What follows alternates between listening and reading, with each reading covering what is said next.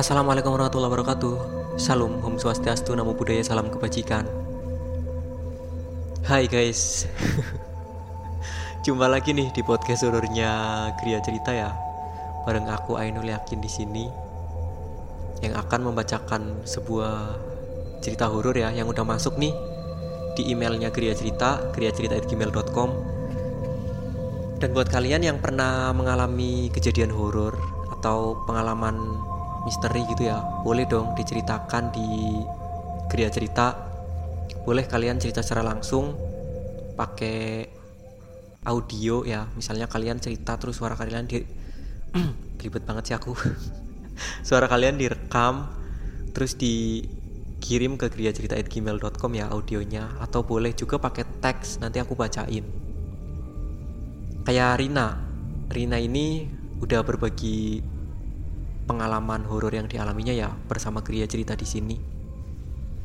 Jadi Rina ini mau menceritakan kejadian horor yang dialaminya waktu dia menjadi seorang baby sister di daerah Jakarta Utara ya.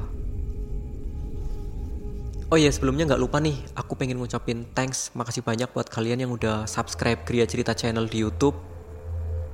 Makasih juga buat kalian yang selalu stay tune di podcast horornya Gria Cerita.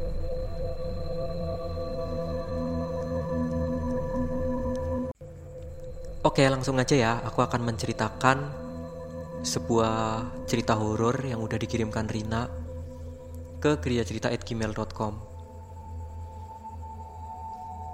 Jadi malam itu Rina di rumah cuma bertiga ya. Ada Rina, terus kedua anak majikannya yaitu Ardan sama Ardi. Mereka masih kecil-kecil. Ardan berusia sekitar 4 tahun. Sementara Ardi usianya belum genap satu tahun Baru 11 bulan. Malam itu kedua orang tua Ardan sama Ardi atau majikan Rina lagi pergi bareng suaminya. Ada acara di luar ya. Dan kejadian ini Rina alami belum terlalu malam banget. Saat itu waktu baru menunjukkan pukul 20.30 ya Atau jam setengah 9 malam. Dan saat itu si Ardi nangis terus. Mungkin dia haus juga kan. Akhirnya Rina ke dapur untuk membikinkan susu buat Ardi. Saat itu Ardi sama Ardan ada di ruang tengah atau ruang keluarga ya. Dan Rina ke dapur sendiri. Saat Rina lagi membikinkan susu buat si Ardi, tiba-tiba ada sesuatu yang terbang dan menempel di tangannya. Saat Rina lihat, ternyata sesuatu yang menempel di tangannya itu segumpal kapas.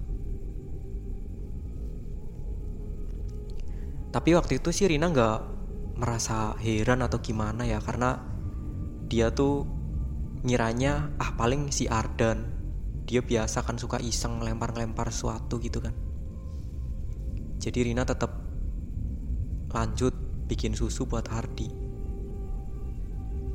pas dia udah selesai bikin susu dan lagi jalan ke depan di ruangan yang ada kulkasnya jadi di ruang bukan ruang bukan dapur ya tapi ke depan lagi. Jadi rumah itu tuh punya empat ruangan. Yang pertama ruang tamu, ruang tengah, kemudian di belakangnya lagi ada ruang yang buat naruh barang-barang lah termasuk kulkas juga ada di situ. Jadi di ruangan itu tuh Rina apa ya? Rina tuh ngerasa aneh karena dia tuh kayak nyium bau melati gitu. Dan ada sesuatu yang nempel di tangannya lagi dan ternyata itu kapas sekumpal kapas lagi. Saat itu Rino udah ngerasa aneh kan ngerasa heran loh ini kapas apa? gitu kan. Saat itu dia nggak lagi berpikir kalau itu merupakan kelakuannya si Ardan. Soalnya kan Ardan suaranya kedengeran ya dia lagi nyanyi-nyanyi di ruang keluarga gitu kan. Dan Rina ini mulai agak Parno kan? Soalnya ada beberapa kejadian horor yang dia alami di rumah itu. Saat itu Rina sampai ke, ke ruang keluarga ya dan dia ngasihin susu ke Ardi. Dan Ardi tetap nangis terus sambil matanya tuh tertuju ke atas gitu ya. Dan tiba-tiba si Ardan teriak dia sambil nunjuk sambil teriak kak itu kak di atas kak. Itu kak di atas kak. Si Rina langsung pandangannya beralih ke arah yang ditunjuk Ardan kan.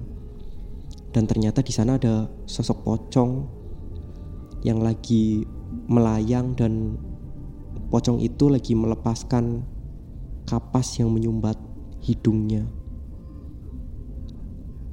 Jadi saat itu Rina langsung kan nebak berarti tadi yang dilempar-lemparkan ke arah dia itu kapas yang menyumbat mulut atau hidung dari pocong itu. Rina takut tapi berusaha buat tenang. Dia memeluk Ardi sama Ardan dan langsung mengajak ke mengajak kedua anak itu ke ruang tamu ya. Soalnya di depan kan agak rame. Ada warteg juga ya di depan rumah itu jadi agak rame. Dan sosok pocong itu cuma sekejap mata Rina lihat untuk selanjutnya pocong itu langsung benar-benar menghilang entah ke mana. Kemudian ada lagi kejadian horor yang Rina alami di rumah itu. Cerita yang selanjutnya ini dialami Rina tengah malam ya, sekitar pukul setengah satu malam lah. Saat itu tuh dia terbangun dan dia tuh ngerasa pengen buang air kecil ya. Akhirnya dia ke belakang untuk buang air kecil dan saat itu di kolam renang. Jadi rumah itu kan ada kolam renangnya ya. Di kolam renang tuh dia tuh kayak denger ada seseorang yang lagi renang. Jadi dia denger kecipak air gitu ya. Dan dia sebenarnya ngerasa heran sih siapa ini yang malam-malam renang gitu kan. Takut ada sesuatu yang nggak beres apa ada orang yang masuk mau maling apa apa gitu kan ya. Akhirnya dia berniat untuk melihat siapa yang ada di kolam renang itu sebenarnya sih ini juga agak aneh ya karena mana mungkin sih orang maling malah renang gitu kan? Nggak mungkin ya misalnya ada orang masuk dan mau maling gitu kan. Masa renang kan nggak mungkin kan? Tapi ya berhubung Rina posisinya masih ngantuk juga gitu kan. Jadi dia tuh langsung lihat aja ke kolam renang tuh. Dan ternyata yang dia lihat di kolam renang itu itu kayak rambut yang panjang banget rambut itu bener-bener hitam dan panjang banget ya panjangnya itu panjang banget sampai hampir memenuhi kolam renang yang luas itu dan itu merupakan hantu yang bernama Miangga ya kalau istilah Jawa. Miangga itu jin air kalau nggak salah. Jadi saat itu Rina cuma bisa mematungkan. Dia nggak teriak. Dia cuma diem sambil baca istighfar, astagfirullahaladzim gitu ya. Terus dia langsung pergi ke kamar mandi dan dia buang air terus langsung masuk lagi ke kamar jadi Rina ini emang kayaknya udah terbiasa ya guys lihat yang kayak ginian ini juga kata dia sebenarnya masih banyak kak kejadian-kejadian horor yang aku alami. Tapi aku ceritakan lain waktu aja gitu katanya. Oke Rina aku tunggu cerita kamu yang selanjutnya ya. Ceritanya seru banget dan kamu merupakan seorang wanita yang pemberani ya dengan hal-hal kayak gini. Dia tuh cukup berani banget nih menurut aku. Karena waktu dia ngelihat pocong sampai dilempar-lempar kapas juga dia nggak teriak gitu ya. Biasanya kan teriak histeris tuh tapi dia nggak nih. Terus waktu lihat Miangga ini juga dia nggak teriak biasa aja gitu kan cuma baca istighfar aja cuma kaget aja itu ajar lah ya. Tapi aku salut sama keberanian Rina ini. Dan tentunya bakalan selalu aku tunggu cerita-cerita dari Rina. Aku harap juga Rina mau berbagi ceritanya secara langsung ya pakai audio atau mungkin nanti bisa ngobrol-ngobrol sama aku entah itu lewat telepon apa lewat apa gitu ya dan mungkin segini dulu guys cerita dari aku ya, cerita horor yang dapat aku bagikan di kesempatan kali ini. Semoga kalian terhibur. Mohon maaf apabila ada salah kata atau masih banyak kekurangan dalam aku menyampaikan. Aku mohon maaf yang sebesar-besarnya. Komentar dan like-nya aku tunggu guys.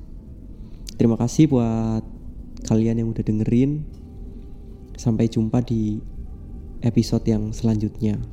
Wassalamualaikum warahmatullahi wabarakatuh. See you.